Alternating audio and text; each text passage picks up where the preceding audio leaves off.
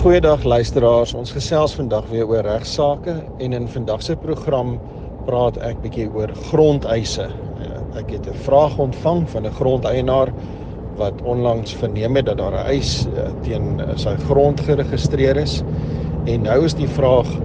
ehm um, hoekom is ek nie in kennis gestel nie? En die ander deel daarvan is hoe gaan ek te werk om te bepaal of hierdie eis geldig is en of daar wel uh, op die meriete van wat in die wetgewing voorgeskryf word 'n eis teen die grond is. Nou, eerstens is dit baie belangrik om in gedagte te hou dat grondeise in Suid-Afrika uit twee verskillende soorte eise kan bestaan, naamlik 'n uh, huurarbeiderseis wat in terme van die Wet op Grondhervorming Wet 3 van 1996 ingestel kon word en die afsnydatum vir daardie eise is 31 Maart 2001. En dan is die ander wet, ehm die Wet op Herstel van Grondregte, Wet 22 van 1994, die Vlagskipwet waar ingevolge waarvan die grootste hoeveelheid eise teen grond in Suid-Afrika ingestel het en ook die mees ingrypende wet is ten opsigte van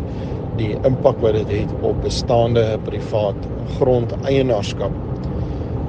Indien 'n eienaar kennis neem van 'n eis, is dit gewoonlik deur 'n landbouunie of dan is daar ook in die wetgewing met beide hierdie wetgewing 'n uh, formele voorgeskrewe proses wat gevolg moet word waar eienaars in kennis gestel moet word. Ehm um, wat boonbehalwe die eienaar self in kennis gestel word, word hierdie eise ook normaalweg in die staatskoerant gepubliseer. Nou die staatskoerant is eintlik maar die formele wyse waarop die staat met die publiek kommunikeer en dit is ongelukkig onwaarskynlik dat meeste persone toegang sou hê tot die staatskoerant of, of daar sou kennis kry van eis. Maar as 'n mens dan nou wel kennis kry en het sy deur enigiets van hierdie prosesse,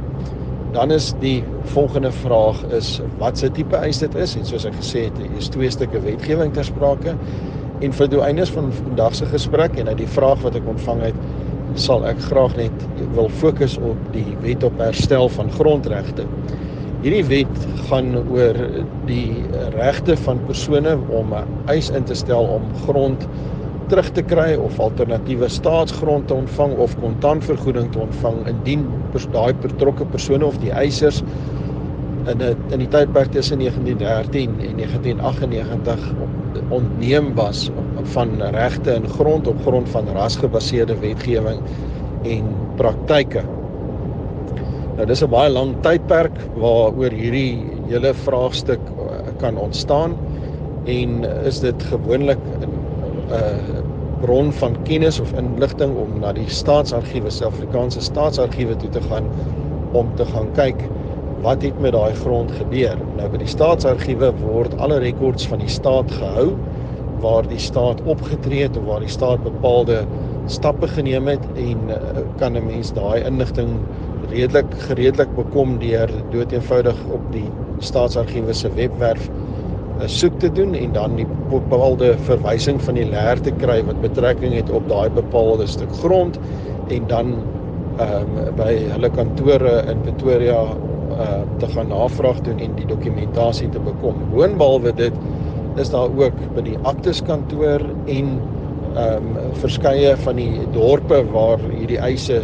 sou ontstaan ander bronne van inligting wat 'n mens kan raadpleeg om te bepaal presies wat gebeur het en wanneer daar gebeure is en in, besonder om te kyk of mense wel dan op grond van rasgebaseerde wetgewing en praktyke onneem as van regte. Ten opsigte van die proses het grondeienaars gewoonlik sodra hulle in kennis gestel is of dit in die, die eis in die staatskoerant gepubliseer is 30 dae om op die eis te reageer en uit die aard van die saak is of te die eis te erken of te betwis. Ehm um, en dit word gewoonlik op skrif gedoen en dan uit die aard van die saak is hierdie kommissie ehm um, 'n plig om daai eis te verwys vir beregting na die grondhuishof veral in die geval waar dit in geskil geplaas is. Indien eienaars nie 'n eis in geskil sou plaas nie, sou die volgende stap wees om met die staat te onderhandel rondom vergoeding vir die grond en ehm um, in in besonder waar die staat die grond of privaat grond wil aankoop om vir die eisers dit terug te gee. Dis wel egter belangrik om daarop te let dat die staat nie in alle omstandighede grond vir eisers gaan teruggee nie. Die soos ek in die begin gesê het, die staat het ook ander alternatiewe, naamlik om staatsgrond aan die eisers beskikbaar te stel of om aan die eisers kontant vergoeding te betaal om hulle te vergoed vir die verliese wat hulle gely het. 'n Verdere aspek wat belangrik is om hierby te onthou is dat die eisers nie meer mag ontvang as wat hulle histories verloor het nie en in 'n volgende gesprek sal ons bietjie daaroor gesels. Tot 'n volgende keer, dan gesels ons weer.